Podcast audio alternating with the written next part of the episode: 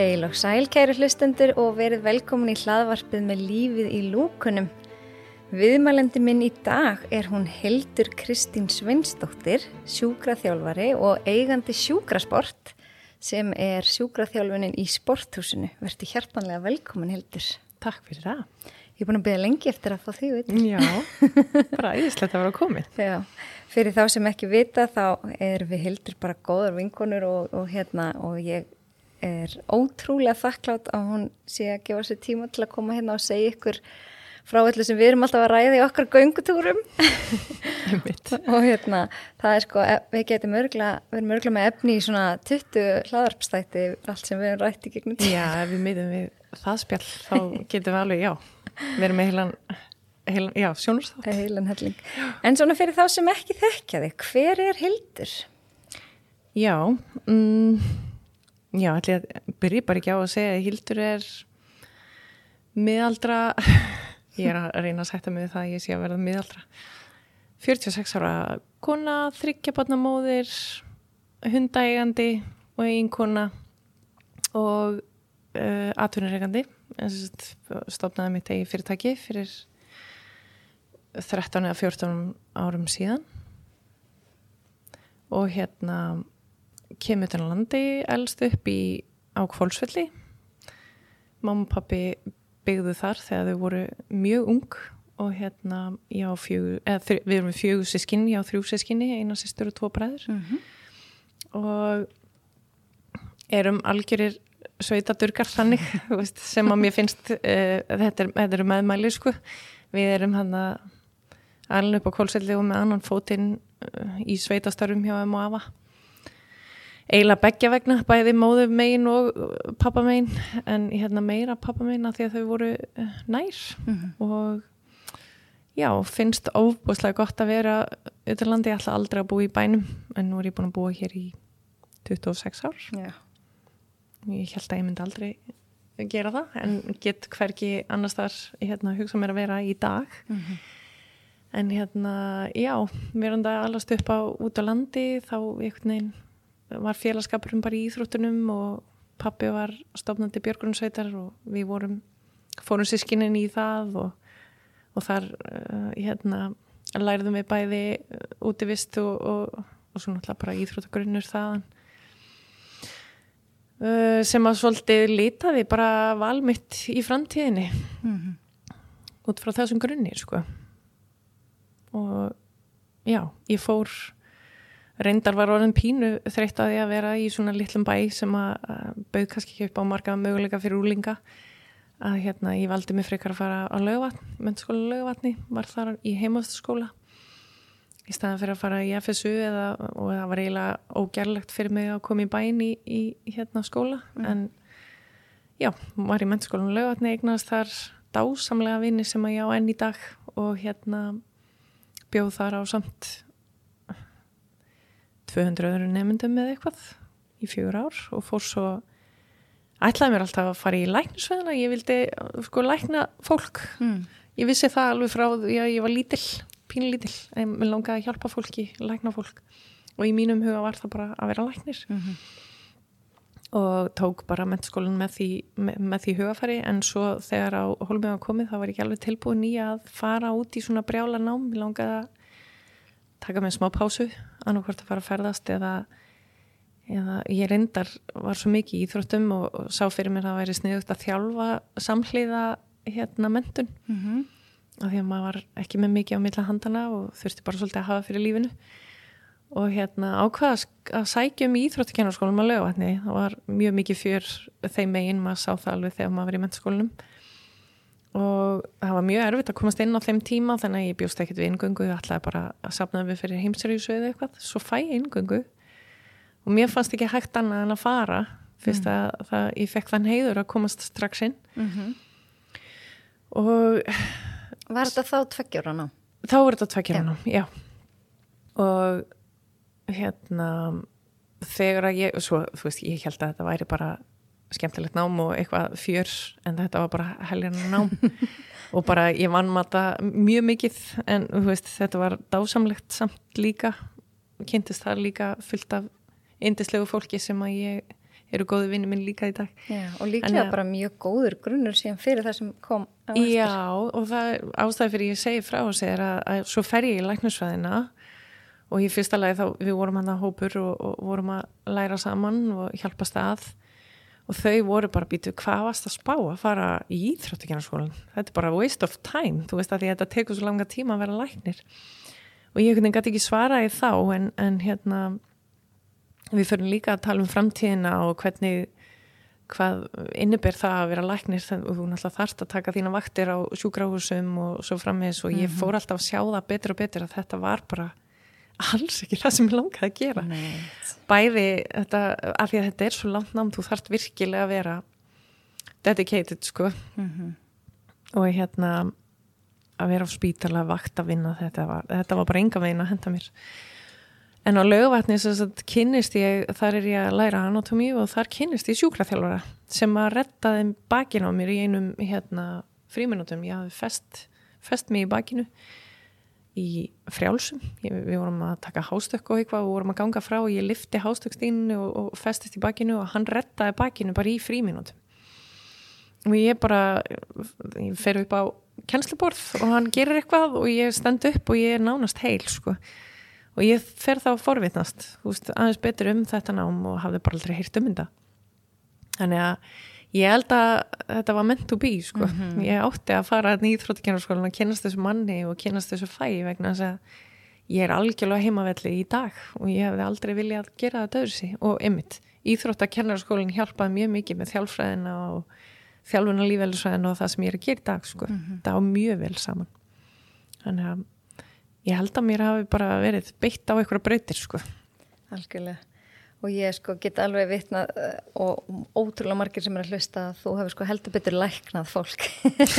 Og, og ekki bara sko líkamlega, heldur ertu bara svo dásamleg. Og ég hef heyrt það frá fleirum að þú veist að koma til þín í sjúkraþjálfinu líka bara næstu því eins og sálfræði tíma. Þannig þá kannski komum við svolítið að efninu, þú veist, já, heldræn helsa, hvað er það? einmitt. Sko fyrir nokkrum árum síðan að þá hefði ég örgulega bara eins og allir þullið upp hérna bara reglur reyfing og góð næring og, og hérna en þetta það er svo miklu meir en það sko að hérna og ég veit að það er búið tala um þetta í fleiri þáttum og ég tek algjörlega undir það veist, þetta er þetta félagslega, þetta er þetta andlega. Þú þarft að hafa neti í kringum þig til þess að vera í heilbrið umhverfi og geta bakkaði upp og, og, jú, og sjálfs og svefnin þú veist, ykkur tímann flokkuðum við þetta þannig að, að reyfingin og mataræði var í efstu sætum. En ég er farin að setja svefnin eiginlega efst og öndunaræfingar og eitthvað slíkt til að núlstilla sig. Af því að ég veit ekki hvort að skapast bara út frá þeim aðstæðum sem við lifum við í dag eða hvað en þetta er bara þetta er bara alveg rosalega mikilvægi þættir. Og í rauninni ef að þetta ef að svefnin er í lagi þá getur svo margt annað verið í lagi þá hefur orkunum til að reyfa þig og þá velur þig betra mataræði og svo er það með þetta blessaða tögakerfi þetta er svo hásbent allan daginn við erum sífælt að hlaupum og, og, hérna, og við þurfum bara svolítið að setja meiri meðvitund í að núlstilla það til þess að halda balans bara í daglegu lífi sko. þannig að og ég tengi alla þessa þætti við það sem að ég er að gera algjörlega. Og hérna, ég get ekki hjálpa fólki sem að jú, ég get alveg gert alls konar við fólk á meðfærabekknum og eitthvað slíkt en ef að það fer svo bara heim og sefur í 2-3 tíma og, og þú veist, næri ekki að, að hérna endurnæra sig eða það er að vinna úr hérna, úrgangi og annað að þá ert aldrei að minga bólkunar alveg þannig að þetta er í rauninni bara svolítið að viðhalda ykkur sem að heldur þið gangandi en, en ekki varalegur árangur. Þannig að það var svo margt sem að hefur komið inn í með árunum. Þú veist þetta er svo miklu meira heldur en bara að reyfa sér reglulega og borða holdt þannig að Já, ég myndi segja sko, þetta félagslega andlega, sko, ég myndi segja svefn, öndun jú, regluleg reyfing og reyfing sem að hendar þér. Akkurat. það þarf svolítið að velja þú veist það er rosalega misjæft hvað hendar hverjum á einum. Og það fyrir algjörlega eftir í hvernig staðan er bæði andlega og líkamlega og bara í hvernig um, umhverfið þú lifir við dagstælega svo er það þetta að huga þessu félagslega að huga þessu hérna andlega líka. Mhm. og já, þannig að sjónarhótt mitt á þessa heildrænu nálgunin og ansi víð. Mhm. Og eitthvað sem við þurfum að taka inn algjörlega allt saman Sjúkra þjálfari, Mm. þetta starfsheiti, hvað getur þau útskýrt? Hvað er sjúkra þjálfari? Já, Er það að breytast? já, sko já, sjúkraþjálfari það er svo ótrúlega margt sem við getum verið að gera við getum verið á ótrúlega mörgum sviðum og þetta nafn sko kemur kannski svolítið til af að við vorum að hjúkara að einhver leiti eða að þetta á mjög vel við uh, inn á spítala, inn á grensásinn og reykjalundi það sem við erum að huga að sjúkum Mhm. og endur hæfa þá. En svo hefur okkar svið algjörlega líka verið í fyrirbyggjandi eða forvörnum. Og við erum á sviði íþrótta, við erum á sviði eldri borgara batna, þú veist þetta er svo óbúslega víðfemt starfs, eh, bara starf Já. og þú getur valið svo margt, þú getur verið á svo mörgum sviðum þannig að við lærum í raunin að gera greiningar á villum í stóðkerfunu og reynum að finna út úr sko, fólk er að koma til okkar með eitthvað skona verki en það er ekkit endilega sjúkt og það er kannski það sem að hefur svolítið hamlað okkar stjætt að af því að við heitum sjúkra þjálfari þá eru svo ótrúlega margir sérstaklega okkar aldri og eldri sem að hugsa að þeir þurfi að vera svo ótrúlega meittir eða langt komnir með eitthvað vandamál til þess að leita til okkar Mm. en það er, það er að breytast með, árunna, veist, með árunum og fólk er svona aðeins farið að skilja betur hvað við erum að gera ef að ég mætti velja að þá myndi ég kalla þetta stóðgerisfræðingur Mm Ég ætlaði að myndi að spyrja hvort að nafni væri ekki lengur að gefa rétt að mynda af starfinu. Já, sko, allavega í því sem ég er að vinna við í dag og við sem erum á stofum út í bæ og erum að sinna ótrúlega mörgu. Það sem ég vil standa fyrir er fyrirbyggjandi. Ég hef notið þeirra forréttinda að, að vinna með fullt af íþróttafólki og, og við erum bara, þetta er bara hluti af þjálfun að koma til mín og þú veist að stilla til kerfin þannig að það eru minni líkur á eitthvað skonar álægi, álagsmeðslum og svo framvegis. Þú veist, við eigum ekkert síður að, að sinna því. Þannig að við hérna fólk kemur til okkar uh, sko ef að ég fæ enn og aftur að, að líka þessu sama við bara við, bílaviðgerðir af því ég þurfti að útskýra þetta fyrir Karli föðu mínu þegar hann var að lífi. Hann tala alltaf um að ég eini við að klípa fólk. Þetta var farið að fara pínlítið í taugarnar á mér Trúa því. Já, ég er hún að klípa þig líka. Já, já, já, hún er búin að vera að klípa mig. Þannig að til þess að hann skildi uh, hvað, við, hvað ég vil vera að gera að þá útskýrði það út frá bílaviðgerum og hérna þannig að þegar maður er í bíl og, og það kemur eitthvað rauðljós í mælaborið þá, þá gefur það til kynna að það er eitthvað bílin í gangi í vélinni Mhm. og pappi skildi það að þá fer maður í hútið og maður skoða vélina og reynar að finna þessa bílun og gerir við hana og þá fer ljósið og þetta er í rauninni eins og ég sé starfið mitt. Nú er ég svona eðlisfræði nörd, ég var eðlisfræði deild í, í mentaskóla og fyrir mér er þetta bara eitt stort merkilegt eðlisfræði verkefni að fá eitt líkama sem er mín vél. Og ég gerir greiningar út frá hreyfingum og hvar er villan, þú veist það er alls konar skekkjur í gangi en hvar er villan sem að gæti útskýrt þetta rauða ljós sem er þá verkurinn sem að fólk er að koma með og við reynum að finna út úr því hvernig áleiðir þetta á fínstilla líkamann þannig að verkunum fer. En ef að við erum alltaf að leita ef við erum alltaf að horfa í eins og margi vilja kannski maður leitast eftir einhverjum svona töfra lausnum þar að segja veist, að, það vil bara losna við verkin 1 frá 10 og það er oft lausnin eru oft bara að taka íbúfinn eða verkjartöflur, það er pínlítið eins og skrúa peruna úr mæla, mælaborðinu. Mm. bílurinn er enn til staðar en það er ekki raukt ljós að blikka á þig sko. Þannig að og ef að maður er alltaf eldast við að losa þessa peru úr að þá er, er þetta svolítið eins og eldast skottið á sjálfur sér. Þú, þú ferð ekki lausn vandamálana þannig að og þú þarft ekki að vera sjúklega slæmur til þess að að hérna fá þessa hjálp. Einmitt. bara enga veginn. Þannig að já, er ég, búin, er ég ennþá undir þessari spurningu, hvað er sjúkraþjálfari sko þetta er, þetta er eins og ég sé starfið og það er öruglega ykkur sjúkraþjálfari að núti sem er ekki sammála mér en svona horfi ég á starfið mitt Mhm. allavega Mhm. en við erum allavega að vinna við það að hjálpa fólki sem eru með stóðkjörusvanda og hérna og við eigum náttúrulega að geta greint á milli, þú veist hvort þetta er, stó, er stóðkerfið eða í yðrunum Mhm. af því að þá þurfum við náttúrulega að vísa fólki áfram til læknis og í þannig hjálp sko þannig að okkar sérhæfing liggur í stóðkerfinu Mhm. það er það sem að sjúkraþjálfari gerir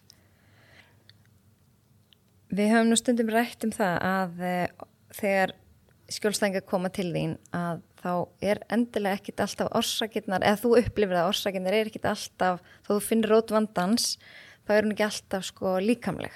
Nei, Oft er einmitt. upptökin annar staðar ef það verkur í, í hnið þá er kannski upptökin í ökla Mhm. en stundum er það kannski ekkit endilega í stóðkerfinu eða heldur þá kannski bara hvað tögakerfið eða Mhm. Hvernig, hvernig hefur upplifað það? já, þetta er eitthvað sem að sko hefur kannski lagst á eftir bara mikla reynslu og gert alls konar hitt mjög mikið af fólki að það var á tímbili sem að var bara svolítið gap. Veist, við lærum svolítið mikið varðandi anatómíuna og hvað á, hvernig hreyfingarnir eiga að vera og hvernig liðinni virka og hvernig vektornir eru kringum liðina og svo framvegis. En það kom alveg fyrir að, að sko, allt sem að þú kunnir það bara virkaði ekki, það var ennþá verku til staðar.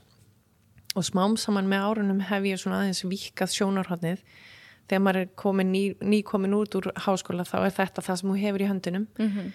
En svo með reynslinu að þá hef ég séð að þetta er svo innileg ekki bara þetta. Þess vegna er líka þessi skilgrinning mín á, á hérna, þessi, þessari heildrændi nálgun. Eða það er að segja að heilsa sé heildræn nálgun er að það eru svo ótrúlega margt annað sem maður getur spilað inn í. Og ég er alltaf að sjá það betur og betur bara tengingu slæmra reynslu á hvernig líka minn haga sér af því að það er alveg þekkt bæði sko já mögulega út af einhvers konar áföllum eða slísum eða ofbeldi eða eða hvað sem er það hefur á, ákveðin áhrif á taugakerfið og taugakerfið hérna bregst þannig á móti við að það verður allt svona hypertensað og það getur haft svona svona áhrif á vöðuna og það kannski situr þá er allt í þessi, þessi reynsla þetta ofbeldi eða hvað sem það er sem að er í grunninn, það situr kannski í líkamannum og það fer að búa til skilur með vandamáli, þetta fer svona einhvern veginn að vinda upp á sig þannig og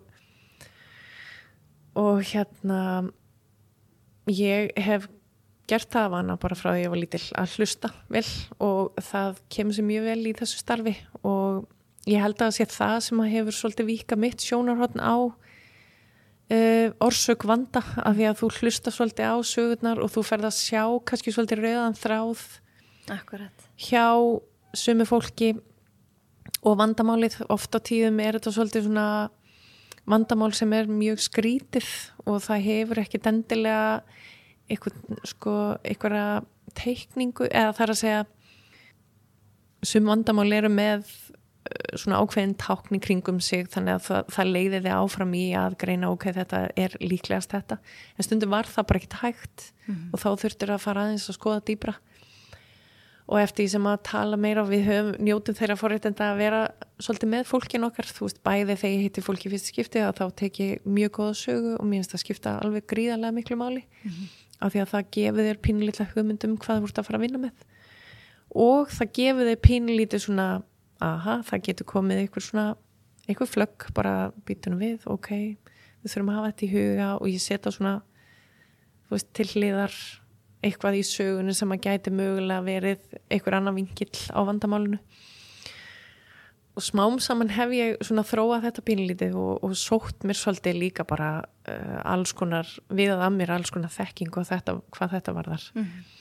Og hef lesið alls konar bækur þú veist, varðandi líka minn geymir allt, til dæmis við mörgla nefnt þessa bók Já, í einhverjum viðtölum. Frábær. og hérna hvernig taugakerfi getur haft áhrif á bara bæði andlega og líkamlega líðan og hvað er þá, hvað býr á bakvið það. Ég, að því að við erum að tala um vél að þá gætu við kannski líkt þessu svolítið sama við tannhjól uh, í úrverki. Þú veist það eru mis stór tannhjól. Og stæsta hjólið það keirir hinn tannhjólin og þegar við erum í þess að leita orsök vandans að þá viltu uh, finna út hvað, hvert er stæsta tannhjólið Mhm. og í einhverju diplomi í einhverju náminu sem ég sótti mér að þá var það sko líkamlegt, andlegt, félagslegt það eru tannhjól líka Mhm. og ef að í gegnum sögun og þú varst svona aðeins farin að fá hugmynd um að, að andlega væri mögulega stærsta tannhjólið þá þarfstu svolítið að nálgast hlutin á þann hátt. Mhm. og ég hef séð alveg ótrúlega ótrúlegan árangur ef að maður nær fólki þangað, ef að maður nær að að hitta á að þetta er mögulega orsökin. Ég hef séð svo ótrúlega breytingu á bara líðan og verkjum í skrokkunum. Mhm. út frá því og svo er líka sko, nú erum við að tala um þetta andlega og félagslega og, og reynslu og eitthvað annað. Svo er bara margt í kerfinu sjálfu uh, hormonatengsl. Af því að við erum að tala um taugakerfið að þá er það, hormona ójafvægi og svo hvað gerir hvað, hvort, hvort getur kemur ekki á undan hænunni eða öfugt. Sko það getur verið eitthvað áfall sem hefur áhrif á taugakerfið sem að taugakerfið fyrir að hafa áhrif á framleiðslu hormóna sem að býr til ákveðin skort á einhverjum hormónum sem að hefur áhrif á stóðkerfið. Þetta er rosalega flókin heimur. Einmitt. Og þess vegna skiptir og sko aðalmáli þarna er kannski einmitt að hlusta og taka góða sögu og lesa svolítið í líkamstjáningum leið og maður er að horfa eftir reyfingum þetta er bara þetta er mjög flóki mál og það þarf líka bara óbúslega mikið tröst á milli uh, fagmanns og skjólstæðings ef að maður ætlar að fara út í þessa, þessar æfingar. Já. En það, það er alls ekkert allir sem að fara þanga en, en mér finnst þetta bara svo áhuga verið nálgun og ég séð svo ótrúlega mikið árangur hjá mörgum. Og þegar að maður er komin í þetta þú veist ef að maður þreifar á að maður er mögulega með eitthvað í þessu formi og í þessum orsökum að þá er þetta oft líka fólki sem er búið að fara á milli fagmanna og ekki fengi bót meina sína Einmitt. og það er búið að gera allar rannsóknir og það kemur alltaf eðlilega út. Þú ert búin að heimsækja nokkra sérfræðinga og það lítur allt vel út og það gerir það. En þá erum við líka kannski bara að tala um allt annan aðra orsök. Þannig að þú þarft svolítið að, að setja upp þetta tannhjól og hvað er út frá sögunni um, hvað er það sem að er mögulega orsökvandan svo ef þetta er líkamlegt að þá förum við bara í þessa eðlisvæði þá förum við bara í vektor og pælingarnar og skiluru og svo er bara oft bara hreinn áverki það er eiginlega léttast. Já. bara það kemur einhver áverki og það gerist eitthvað svona og svona og þá bara veistu hvað að gera. Það er miklu innföldar en hitt er mjög flókið og, en mjög spennandi viðfangsefni og algjörlega þess verði að skoða. Já. Ertu með einhver dæmi þannig að fólk tengi um eitthvað sem þú mátt, mátt segja frá? Já. Sko ég get nefnt kannski eitt dæmi bara út frá stóðkerfisvandamáli og bara pjúra stóðkerfisvandamáli og orsök þar. Og svo annað sem er bara alveg þvert á fyrra dæmið þannig að ef við byrjum bara á þessu stóðkerfisvandamáli þannig Mhm. og ég held að ég hafi sagt frá því og ég fekk leifi frá þessum unga drengt að segja frá því að, að ég fæ hann þegar að þetta er fótboltdrengur sem að leita til mín 13 ára gamall og er um það byrja að gefast upp á fótboltanum uh, Bara vegna meðsla já, hann er bara orðin svo kvalinn og búin að vera í mjög langan tíma óbúslega ungur og efnilegur í fótbolta en var með fáralegar, fáralega verki og bara óeðlar reyfingar skerðingar á reyfingum og bara hann gæti ekki sest eðla niður eða staðið upp hvað þá spila fótbolta. Og þetta var vandamál sem var búið að vera í svolítið langan tíma og hérna búið vinda ansi mikið upp á sig þannig að það var alveg flókið að reyna að finna eitthvað hérna hvað þetta byrjaði. En þegar hann kemur til mín þá var hann með brjósklus og bara óbóðslega mikla verki, taugaverki nýri fót. Og uh, mjóbakið uh, sko í mjóbakinu á að vera sérst, fetta eðlileg fetta bara eins og hyggja súlan er þá er fetta í mjóbakinu uh, mjóbaki stóð út. Það snýri öfugt sko. Þannig að þú, þú fegst bara kúlu út úr og hann hefði aldrei spáðið þessu já sko þetta voru reyndar afleiðingar sko. Ó. hann var ekki svona. Nei. og svo var skökk mjadmagrindin og, og, og hann gæti ekki farið eins og ég segja, hann gæti ekki farið í hnépu hann gæti ekki byggt sér fram að hann var svo kvalinn.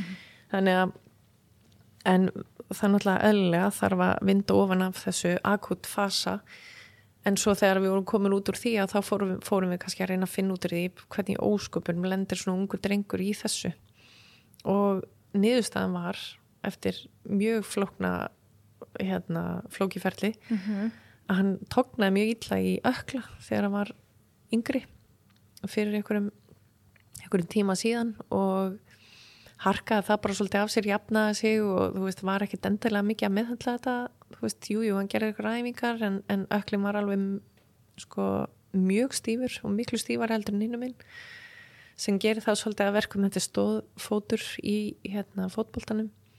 Þannig að það reynir mjög mikið á jafnvægi og, og þú veist þú setur allan þungan á þennan fót. Þannig að þessi stífi ökli allir stífur í mjöðum mjöðuminn fór að verða með mjög takmarkandi reyfingu sem að snýri upp á mjöðmagrindin hans og þegar mjöðmagrindin var honin snúin að þá snýrust upp á hérna mjóbaksríkina þannig að það er alltaf þetta tork á diskin sem að enda með því að að hérna ripna og þá var, þá var hann komið brjósklúsið mm. og taugaverkin er í fót. Þennan sama fót sem er svona stífur allaveg upp. Þannig að þannig þurftum við að mynda ofan af mjög gömlu vandamáli sem var búið að leiða leiðan í bara rosalega vond mál þannig að en hérna þessi drengur er að spila fótbolta í dag og gengur mjög vel og er algjörlega til fyrirmyndar sem betur fyrr þá hafðist að, að laga þetta. En svo uh, annað dæmi. Þá er kona sem ég þekki kemur uh, hafði verið hjá mér svolítið, svona öðru kóru og svo er hún komin kemur hún aftur til minni eftir, eftir smá tíma og ég sé það bara langa leiðir að þetta er ekki sama kona og ég þekki. Mm. hún var svona þrútin og ábáslega þreytuleg átti erfitt með gang orkulítil og við förum svolítið yfir söguna. Og hún er með hjarsláttutröflanir hún var búin að vera að reyna að breyta ma- mataræðinu og ekkert gekk og alveg sama hvað hún hreyði sig að þá er leiðinni bara alltaf verð og við förum bara svolítið yfir söguna og veist, hún er að reyna að létta sig og hún er að reyna að gera alls konar æfingar og alveg sama hvernig æfingar hún var bæði búin að vera í mikla átaki og jóka og einhverju mjúku og og jú, þetta mikla átak var ekki að hendin hún fann það strax en hún var bara átti mjög erfitt með orkustjórnuna var komið með hjarsláttartrublennar komið með bjúg og hún bara þyngdist og þyngdist alveg sama hvað hún gerði með mataræðið og var greinilega að safna á sig bjúg. Þannig að og þetta er konan sem að er með heilmikla og erfiða reynslu. Og hérna ég þekkti það, ég vissi það. Þannig að það var alveg gömulsaga og búin að fara í gegnum mjög erfiða hluti innan fjölskyldunar og svo er hún uh, frumkvöld og er að hérna vinna með uh, að reyna að fá fjárfesta inn í einhverja hugmynd sem hún er búin að vera með í magunum mjög lengi og er að gera alveg frábæra hluti. En þetta er bara hark, endalust hark fjárhagslega og andlega og líkamlega. Já, þannig að við vorum svo sem alveg búin að vera að taka þá umræðu að, og þess vegna var nú svo mikið að reyna að passa sig en það, einhvern veginn fór hún algjörlega í þrótt og hún er komin að það með það mikla hjarslátt og tröflun henni er ráðlegt að hætta eiginlega að reyfa sig, að gera það sem hún elskaði. En hún var bara farin að fara í eitthvað mjög stutta og leta göngutúra. En hún elskaði að fara fjöll. Henni var eiginlega bannað að fara á fjöll. Bara helst að reyfa sig sem minnst. Og hérna því að það átti, hún átti að til að bara dett út eða þú veist, fara í yfirlið og hérna hún átti óbúslega erfitt með orkurna og hérna erfitt að halda áfram náttúrulega í þessu sem hún var að gera í þessu ástandi. Mhm. svo erum við alls konar verki í skroknum og er komin tímin út af því og við ætlum að fara að reyna að skoða það. Og búin að fara í eina hjarta aðgerð og búin að fara á hjartarlif og svo framvis og þarna voru alveg að kvikna á nokkrum flöggum hjá mér. Þú veist, býtu þetta er bara svona kerfispil, þetta hljóma bara svolítið eins og kerfispil. Þannig að við förum í smá tilraunir og að því ég þekki hana þá vel og hún er hérna þá var hún tilbúin, tilbúin í það. Og við hjálpumst að reyna að finna einhverja nýja leið í mataræði og hún fer og færar hérna skoðar hormona ójafvægi hjá sér. Mm. og kemst að því að hún er með 0 testosterón. Hún er Já. ekki með neitt, neitt testosterón. Og uh, enginni þessi meðal annars hjarsláttatrublunir og þreita og veðvaverkir og svo framvis hún fer að bera á sig testosterón gel og gerir smá breytingar í svona fóra aðhittast meira af hérna flóknum kolvetnum og setja inn meira prótein og fytu í staðinn bara svona, þú veist, við vorum aðeins að leika okkur með þetta Mhm. Um, hún hættir að drekka áfengi, hún hættir að drekka kaffi, hún tekur af sér úrið sem hún er alltaf með, svona garmin úr eins og allir eru með. Setur það til hliðara því að það var farið að vera líka bara streytuvaldur, bæði er ákveðin geislun af þessu úrið mögulega og hérna svo bara orðið svolítið streytuvaldur hjá henni að vera alltaf að velta sér upp úr því að hún er að enga veginn að fá nægilegan svefn, það var eitt af því sem hún var að díla við, Mm. hún var ekki að sofa almennilega og mánuðið setna kemur hún til mín aftur bara eins og nýmanneskja og nánast bara hjarsláttutröflunum voru miklu betri. Ég ætla ekki að gera lítið úr því sem að ég verið að gera við hann er hjarta en allavega. Þetta er umhugavert samt sem áður. Að hún var miklu betri gagvart því. Ég saði henni að hætta að reyfa svo svona lítið, farðu og, og gerðu það sem þú elskar, þú veist, farðu á fjöll. Verður bara með símasamband og eitthvað með þér Mhm. sem hún og gerði og það gekk bara vel og þannig að hún fór að gera það sem hún elskaði og það sem still til streytuna hennar öndunaræfingar, hætti þessu áfengi og kaffi og mataræði var greinilega henda betur. Mhm. bjúrum var farin og hún var farin að kannast aftur við sjálfa sig, var aftur farin að fá meiri orku og verkið miklu miklu minni. Og hérna og svo framvegs, þarna var ég ekki búin að gera neitt annað en að spjalla við hana. Og hendi inn einhverjum hugmyndum út frá því sem að ég var búin að vera að lesa mig til um og ég veit ekki hvað gerði hvað en allavega komin á miklu miklu betur braut Magnað. þannig að þarna sko, jújú, jú, ég hefði gett að fara það að skoða verkina í skroknum en ég hefði verið á algjörum blind blind, Gutum. blindgötum með það, það vantaði eitthvað þarna, þetta er svona dæmi um að ég var ekkit endilega rétta manneskjan, ekki nema bara til að bendina á þessa hluti og, og ég gat það því ég var búin að vera nördast svo mikið í því. En hérna, En þetta er þessi heildræna heilsa, að Já, líta ekki bara á verkin, akkurat. Veist, og einhverja líkamlega orsök, heldur fyrir Já. að það geta verið eitthvað allt annað. Já, ef ég hefði farið þá braut þá hefði ég ekki hjálpað henni neitt. Nei. hún alltaf hjálpaði þessi mest megnist sjálf með því að, að vera dugleg að, að gera þessa tilrunir en þetta, þetta og eftir svona reynslu, reynslu í starfi að þá náttúrulega hugsaðu bara, heyrðu þú veist, hvað er ég að gera hérna alltaf? Þú veist, þú verður að vika mm sjóndeldarhingin og þú verður að viða að þér ákveðin þekkingu. Ef þú ætlar að mæta öllum þeim tilfellum eða öllum þeim skjólstæðingum sem að koma með alls konar vandamál þá þarftu að opna á aðeins meira heldur en það sem við, við lærðum í grunninn sko. Mm. eða allavega finnst mér það nú tala ég bara fyrir mig Er ekki sko svolítið skýrt dæmi, maður hefur heyrt að svo ofbáðslega margir sem hafa lendi í áföllum og, og hérna tögukerfið er búið svo lengi sko yfirsnúningi að þeir greinast með vefjagikt. Hefur það heyrt þetta líka? já, já, algjörlega man, mér finnst þetta eitthvað svo skýrt dæmi já, um hversu andlegt áhrifin hafa á líkamlega. já, líkamann. einmitt mm Þannig að þetta er svona umhugsunavert. já, já já, og ég sko af þessum tilfellum með vefveikiktina fyrst við erum komið þangað veist, það er oft bara heilmikið saga hjá mörgu mörgum af þessu fólki ímest kannski bara verkja ástand sem er búið að vera í mjög langan tíma eða ég vel og þá líka, þú veist, spurning er þetta verkja ástand komið til út af ykkur slæmri reynslu eða það getur verið áraugstur, það getur líka bara verið eitthvað ofbeldi eða áfell Mm. Það er allt til Akkurat. Þetta er nefnilega magnað. Hvað þetta tengist allt. Já, þetta er magna fyrirbærið, þessi líkami og þessi hugur og taugakerfið, þú veist, Mhm. taugakerfið enga síður af því að það er alltaf stýrir öllu sem er í gangi í líkamanum okkar. Þannig að ef við viljum að líka með virki eins og vel smurð vel, þá er ótrúlega margt sem við þurfum að einhvern veginn reyna að koma í jafnvægi.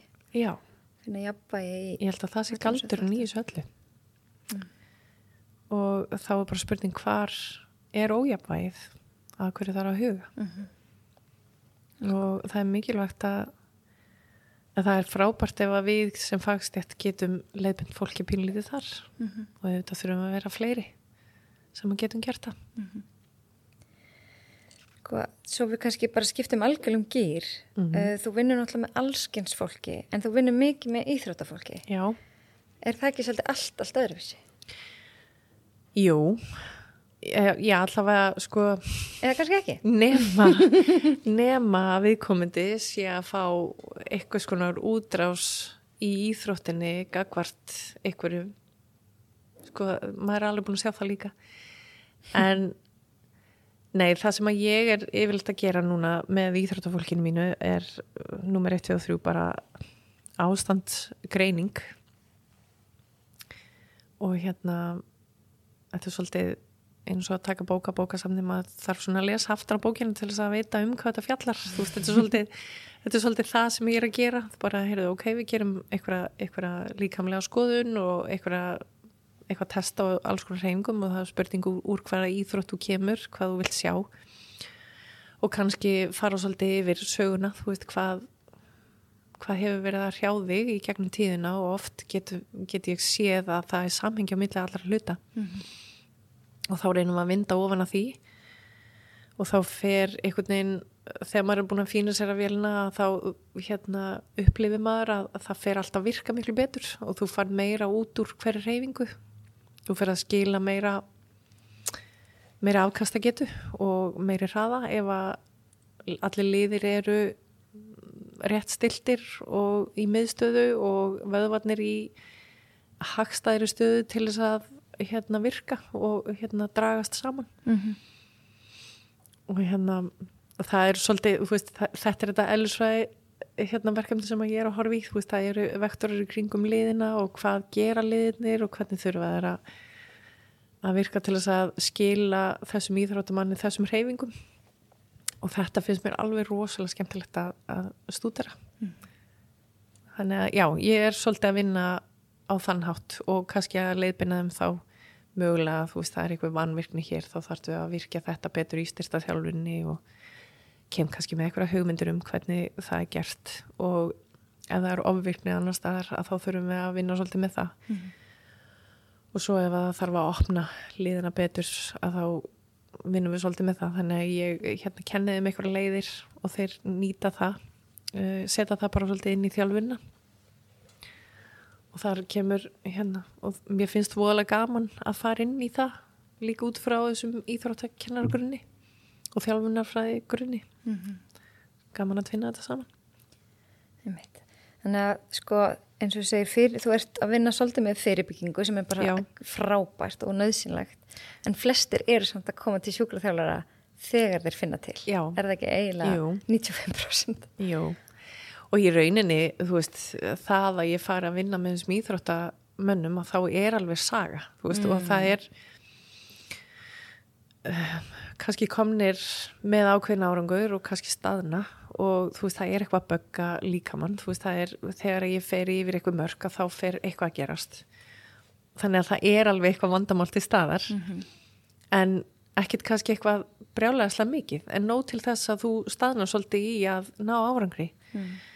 Þá förum við í þessa stúdíur og hérna og ef að maður eh, finnur út úr því og viðkomandi finnur að hann getur sett meir inn og, og jáfnvel þá styrt sér betur og, og bætt sig á einhvern hátt að og jável þá fyrirbyggt frekar í vandamál. Og það er kannski fyrirbyggingin í því sem ég er búin að vera að gera með, með íþróttfólkinu en það er alltaf eitthvað það er alltaf eitthvað svona bögg sem að er í gangi Já, er... sem að ítir á eftir þeim að gera eitthvað. Mm -hmm. það, það þarf einhvern veginn alltaf það Já, það verðist vera bara allstaðar eins og áslög kom inn á þættinu um, um kynlíf og helsu, það kemur Já. yfirleitt kemur fólk ekki það leita sér ekki hjálpar nema að sé eitthvað já, og sálfræns og fólk fyrir yfirleitt ekki fyrir en það er eitthvað vandamál já, og, og það er bara alveg skiljanlegt og sérstaklega í hraðadagsins og allt sem að vera með í höndunum alla daga. Mm. það þarf alltaf að íta við manni sko Ertu með einhver góð ráð hvernig fólk getur lært að hlusta betur á líkamann sinn? Sko þarna þarf bara svolítið að stoppa og líta aðeins inn á við. Og sko ég hvet allt mitt fólk að fara svolítið inn á við. Við þurfum og okkur vantar svolítið, við erum alltaf að hlaupum frá sjálfum okkur. Þú, þú þart að því að við erum að tala um þessa heildrænu heilsu hver er þú og fyrir hvað stendur þú, hver eru þín gildi? Hvert ert að stefna, þú veist ekki hvert þú ert að stefna finn þú veist bara allt um sjálfa þig, mm. þannig að og eitt af því að fara svona inn á við er einmitt þú þarf pinlítið að núlstilla þig. Og hérna hæja svolítið á, á tögakerfinu Það er ekki létt í þjóðfélaginu Nei, bara svo alls ekki sko. Og það verður alltaf meira og meira hérna ég er alltaf að reyna að finna íslensku orðin challenge Áskorun Áskorun, mm -hmm. já það verður alltaf meira og meira áskorun eftir því sem að verður meira að gera mm -hmm. Hluti á því að sérst lítinn á við er pínlítið að lesa í sjálfa sig og þá ef að þú stoppar og til dæmis ferð í svona öndrunæfingar stundu þarf maður að fara í eitthvað hugleislega ástandi að læra það til þess að svona aðeins að lesa betur í sig. Mm -hmm.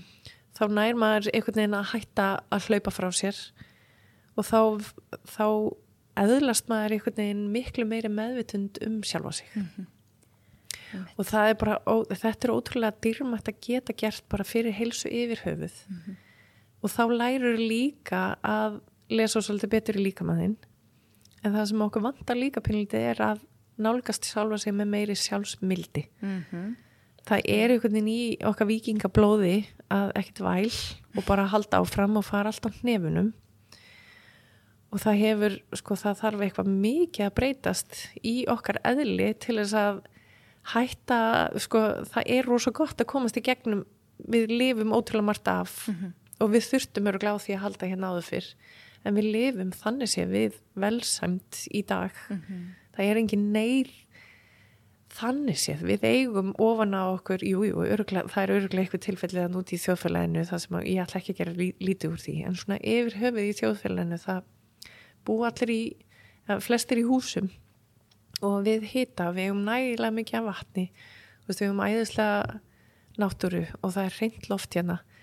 Þannig að neyðin er, við erum komin yfir það að þú veist, survive á Íslandi þannig séð, mm -hmm. að við þurfum pínlítið að læra að hæja svolítið á, bera meiri virðingu fyrir okkur bera meira virðingu fyrir og, og öðlast þakklæti fyrir það sem við erum með og bara, veist, sko læra svolítið að njóta en en okkur vantar svolítið meira að komast áfram í gegnum lífi núna með meira sjálfsmildi mm -hmm.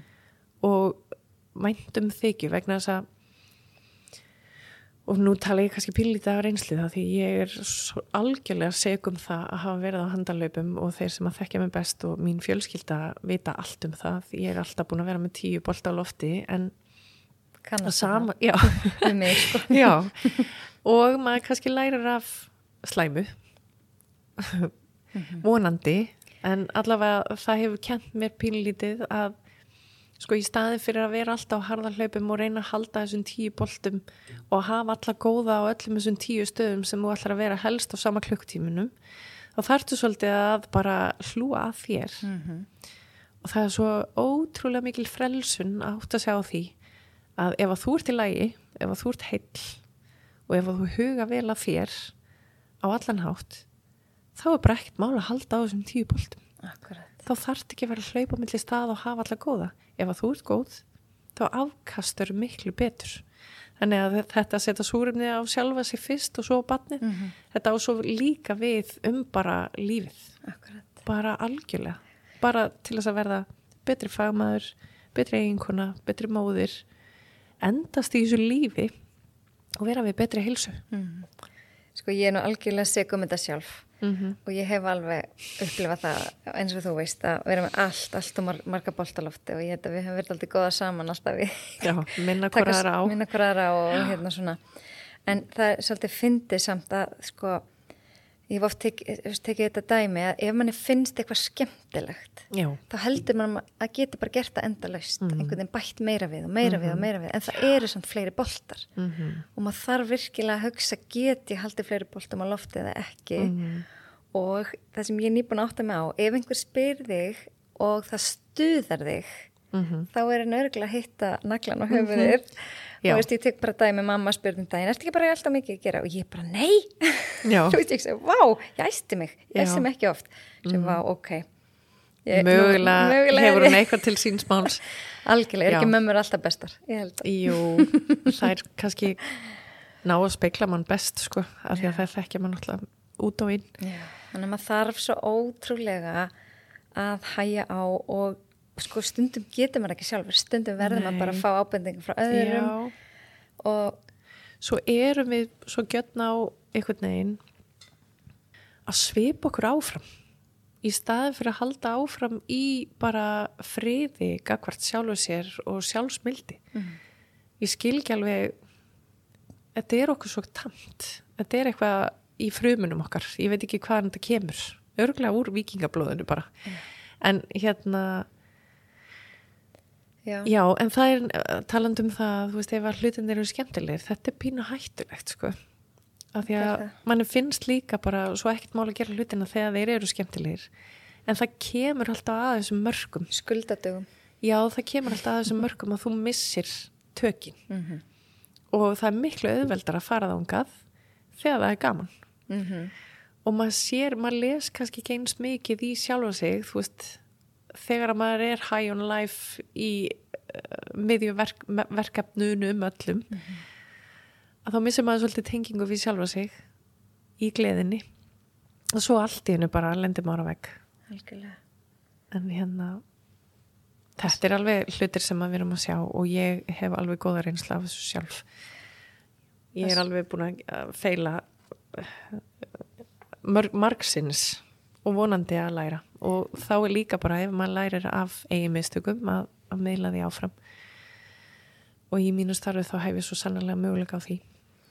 En hvað heldur að þurfi til þess að hrinda af stað breytingum í þjóðfélaginu? Sko við þurfum alltaf að byrja á sjálfum okkur. Númer 1 og 3 En margt smátt gerir risastóra hluti sko. Mm -hmm. og ég held að að því ég er atvinnur reyka þeirra reyka fyrirtæki að þá er ég svo mikið að reyna að vera til fyrirmyndar þar að vera ekki að íta fólkinu mínu í of mikla vinnu að næra sjálfa sig. Og ég vona að þau geti tekið undir þessi orð. Að ég held að sé líka bara svolítið ábyrð uh, fyrirtækja eiganda að breyta svolítið menningunni. Að umbuna freka fyrir vel unnin störf á hæfilega lungum tíma að vera ekki að íta fólki í meira og meiri vinnu og gera það kröfur að fólk þurfi að vera alltaf með tíu bolta.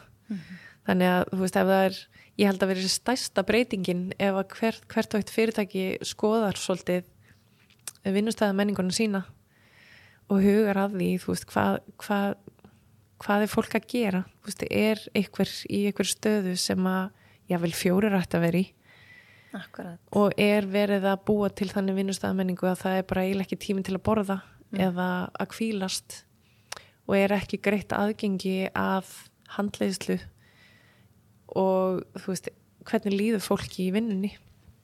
Er það að koma út kvilt í vinnuna? Er það að fara hæfilega snemma heim þannig að það getur sint því sem að gefur þeim líka orku og það er fjölskyldan og þetta nánasta? Eru er streitað þarna milli, er eitthvað ójafvægi þarna? Ég held að þú veist þetta nummer 1, 2 og 3 er þetta í okkar eigin höndum, við þurfum að byrja okkur sjálfum. En ég held að myndi gerast alveg ótrúlega mikið í samfélaginu ef að bara fyrirtæki taki það bara til sín. Þú veist það eru til alls konar heilsu vikur nú þegar það er búið innlega það. Mm -hmm. en út af hvað snýst það. Er það að huga því þú veist, sumir er að mæla eitthvað ummál og vikta og, og þá er kannski bara verið að setja meiri pressu bara heyrðu, þú þarfst að fara oftar í ræktina. Mm -hmm. og kannski er fólk að leita í þú veist, einhverja útrás í ræktinni og er kannski að taka bara allt og mikið á því að því að það er bara búið á því eftir tíu tíma vinnudag þú veist, og þetta fólk endar á bekknum hjá okkur með alls konar vandamál. En eins og bara veist, hvað, hvað gæti verið betur? Þetta er kannski Já. rísastór spurning. sko, þannig gætu við tekið þrjá þetta í viðbót sko. ástriða mín hérna er liggur svo mikið í fyrirbyggjandi og heilbyrðiskerfið er bara alls ekki þar og, og sko ég hef alveg fengið skömmi minn hatt fyrir að vera að vinna fyrirbyggjandi að því að uh, sjúkratryggur Íslands taki ekki þátt í slíku sem er mjög sorglegt og ég held sko að margt gott örgulega margt gott en ég væri svo til í að það væri bara miklu meira fjármagn og orka sett í að hugsa um þessa hluti vegna þess að eftir langan tíma þá mun það vera mest í spartnaðurinn í heilbreyðskerfinu og það er svo ótrúlega margt sko, það eru allt og mikið ála og allt og fáum höndum líka í heilbreyðskerfinu þannig að það er svo rosalega mikill hraði og þreita og streita inn í heilbreyðskerfinu að fólk er að kannski að já, horfa fram hjá risastóru vandamálum og, og það er svo álag ofan á annað álag. Og ég veit ekki, þú veist ég væri svo til í að bara uh, reyns allt út af borðinu eins og það er núna og bara byrja algjörlega upp nýtt og hugsa til tíu ára en ekki það er alltaf eitthvað fjármagn og það þarf að gera eitthvað áallun og svo er alltaf verið að hugsa svo skamt fram í tíman það mun aldrei verði eitthvað risastór breyting finnaðu við förum að horfa bara svolítið til framtíðar. Já, og það er náttúrulega margt sem spilar það inn í það er líka pólitík sko. Algjörlega. það er mismunandi fólk við stjórnvelin og það þarf að kynna sér málið og setja sér inn í aðstæður og læra inn á, á hver áðunetti og, og, og búa svo til nýjar áallanir og einhverja stefnu og svo komið kostning og það er annar fólk komið inn. Þú veist það verður aldrei einhver langtíma markmið á meðan þetta er svona. En ég væri svo til í að það yrði miklu meira af þessu já, Já. að horfa til heilsu eblingar og, og með þetta að hérna Hildræn hilsa. þessari, þessari nálgun, þessari mm. heildræn nálgun Einmitt. og, og hugsa til langs tíma Mm. ég væri svo til í að sjá það gerast og ég held nefnilega að allt og mikið að því að ég var að tala um þetta rauðaljús í mælaborðinu það er allt og mikið verið að skrú, skrúa þessa perúr og nú er ég kannski komin á mjög hálanís Nei, en, alls ekki. Er, en þurfum við ekki bara að segja hlutin eins og þeir eru Jú, það breytist aldrei neitt ef enginn segir neitt. Frábært fólk sem er að vinna í heilbreyðskerfinu og það vilja allir gera sitt besta. Mm. en það eru Fjármagn. kannski ekkit kjör aðstæður Nei. Það er alveg rétt. Þannig að við erum kannski bara í pínu patt stöðu, veist, við vitum hvað er gott fyrir okkur, við vitum öll, við þurfum að sofa x mikið og við eigum ekki að vera með ómikla streitu og við eigum að borða það sem nærir okkur, þú veist, er holdt og gott og er ekki að sveifla blóðsikurunum og, og við þurfum að reyfa okkur daglega. En samt er raðin svo mikill í þjófélaginu að það er næst í allir að glíma við streitu. Fólk er ekki að vanda hvað það borðar af því að það bara bæði hefur ekki tími í það eða það, orku eða orku einmitt og sefur svo ekki nóg bæði út af streyti út af alls konar eða tímaskorti eða ég veit ekki hverju Mhm. og einhvern veginn forgansaðar ekki reyfinguna þó hún sé svo ótrúlega mikilvæg Mhm. Að það sleppir henni bara því að það heldur að þessi betra leikja upp í sofa og kvila sig Mhm. en hvert eru við komin? Er. Svo, oh, sko það er alveg rosalega mörg fræ, góð fræ komin inn en þú veist það, þetta bara það fær ekki, plantan fær ekki að vaksa úr þessu fræi vegna þess að samfélagi er ekki að vinna með þér mm, þannig að það er svona ég veit ekki, þú veist ég upplifi einhvern veginn samfélagi eins og að það hafi bara verið veist, að það af einhverjum hlutum í gangi hérna veist, og það eru allir að finna pjóli og það vilja allir gera svo vel og kannski ekki nógu samheld át, átak mm -hmm. og misvísandi skilaboð og svo er náttúrulega bara allt álægið og allt sem er í gangi, þú veist, þetta er svolítið eins og við erum að reyna að gera goða hluti í hverfylvind það er bara brjálaði vindur í gangi og maður næri ekki að fóta sig og maður næri einhvern veginn ekki að raða hlutunum upp þannig að þetta virki. Það þarf að einhvern veginn að læja vindana. Yeah.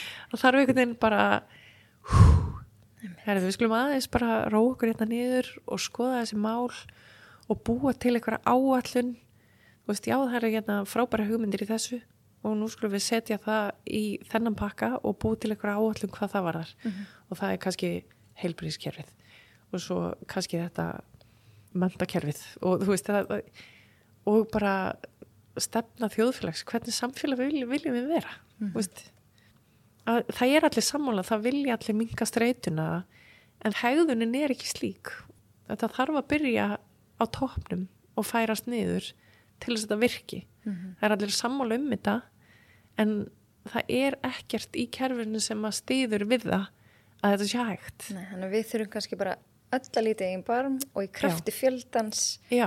einhvern veginn og fyrirtækin eru nú sem betur fyrir mörg byrjuð að huga þessu. Já, algjörlega. Og, bæ... og já, það er alveg góður hlutir að gerast og þetta er vonandi að síga einhvern veginn í rétt átt.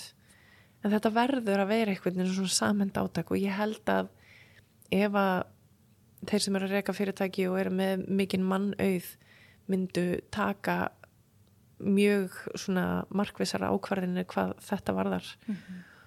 og, og nálgast þetta á þennan máta yeah. þessari heildrænu sín þá held ég að myndi alveg ótrúlega margt gott gerast en svo eru börnur okkar að kenna okkur ímislegt líka það er endur alveg rétt ég er með ungt fólk í vinnu sem er svo til fyrirmyndar hvað var þar svona að forgangsraða og varðandi orkustjórnuna og svona og, sko, og ég, ég get alveg viðkjönd það að til að byrja með þá bara býtu þú veist, mann langar svolítið bara hvað, hvað á ymingaskapur er þetta, okkur gerur ekki bara meira af þessu? Eða skilur eins og maður sjálfur er kannski svolítið vanur að gera. Mm -hmm. en ég er algjörlega komin tilbaka og bara dáist frekar að þeim og bara heyrðu, hvað ætla ég að læra af þeim? Þetta er geggjað, þú veist, mm. þú ert að vinna eitthvað fram á kvöld og þá mætur þú kannski öll til setna morgunin eftir rekstralega séð er þetta ekki dvoðalega hendugt en vá hvað þetta er miklu betur starfskraftur fyrir vikið. Þetta er eitthvað sem við hefum alveg að horfa til. Yngra fólki okkar hefur alveg ímislegt til málun að leggja og er að gera fullt af góðum hlutum, við getum kent þeim en þau geta líka kent okkur. Og börnin mín eru fann að segja ef ég er eitthvað í grói að bæja heima mamma svast ekki nóg vel þarf ekki bara að fara að snemma svo í kvöld. Veist, þau eru ótrúlega næm á ástandið og einhverja luta vegna að þá geta þau speiklað speikla mig allavega börnum mín mm. og, veist, og ég fann að hlusta á þau sko. það er bara ef það stuttur í mig þráðun að þá vita þau. Kannski að því ég hef alveg þurft að byggjastu afsökunar. Bara ah, fyrir gefið, veist ég, ég var bara illa fyrir köllið það búið að vera mikið ála ég, ég er ekki búin að sofa nú þau alveg eru búin að læra af þessu sko þannig að ef að ég er komin í eitthvað ójafægi að þá koma þau, þau speiklaði alveg. Við höfum að hlusta á þau. Og svo hefum við náttúrulega að kenna þeim og vera þeim til fyrirmyndar. Það er alveg rétt, af því að við viljum gera bara það sem við gerum, ekki það sem við segjum. Akkurat. Það, þetta er mjög nefnilega öflug setning og við þurfum að hafa þetta í huga. Af því að ef við getum ekki gert þetta fyrir sjálf okkur gerðu það allavega þannig að þú sér góð fyrirmynd fyrir börniðin og starfsfólkið mm -hmm. þannig að það, það verður svona ákveðin kvartning að líti einn barm og byrja á sér mm -hmm. Ég hvet alla til þess að taka fimm minútur á dag og ég gera ekkert mm -hmm. ekki skráli símanum Já. bara gera ekkert -hmm. í fimm minútur ég held að þessi margir sem gera, er ekki að gera það kunni ekki bara sitja og horfa út í lofti í fimm minútur Nei, þú þarf nefnilega að hluta af þessu að finna friðin í sjálfu þér og, og vera heil það er að geta verið með sjálfu þér í friði. Það er ótrúlega mikilvægt. Ég veit ekki hvað eru margir sem að geta þetta sko. En við þurfum að byrja þetta Já. algjörlega.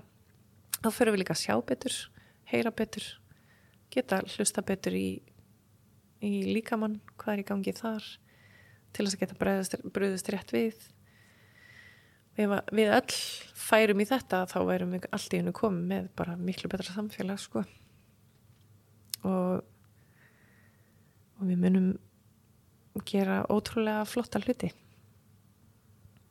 Er þetta ekki bara mjög góð lokaord? mögulega Ef maður bjóður að segja eitthvað að lokum. Nei, kannski bara þetta. Þú veist, að hvetja fólk aðeins til þess að, að breyta, að hætti að svip ykkur áfram og Mm. Nálgist í sjálfu ykkur með sjálfsmildi og taki utanum ykkur og bara heyrðu, þið eru ótrúlega duglegt. Það er yfir höfuð fólk á Íslandi er fárlega duglegt fólk og það er pínu hættulegt að vera að vera svona duglegur Einmitt. og hafa svona mikið áhuga á, á öllu en þú veist, Svo þarf að endurskilgreina þetta duglegur. já Kannski er duglegur frekar að hugsa vel um sig.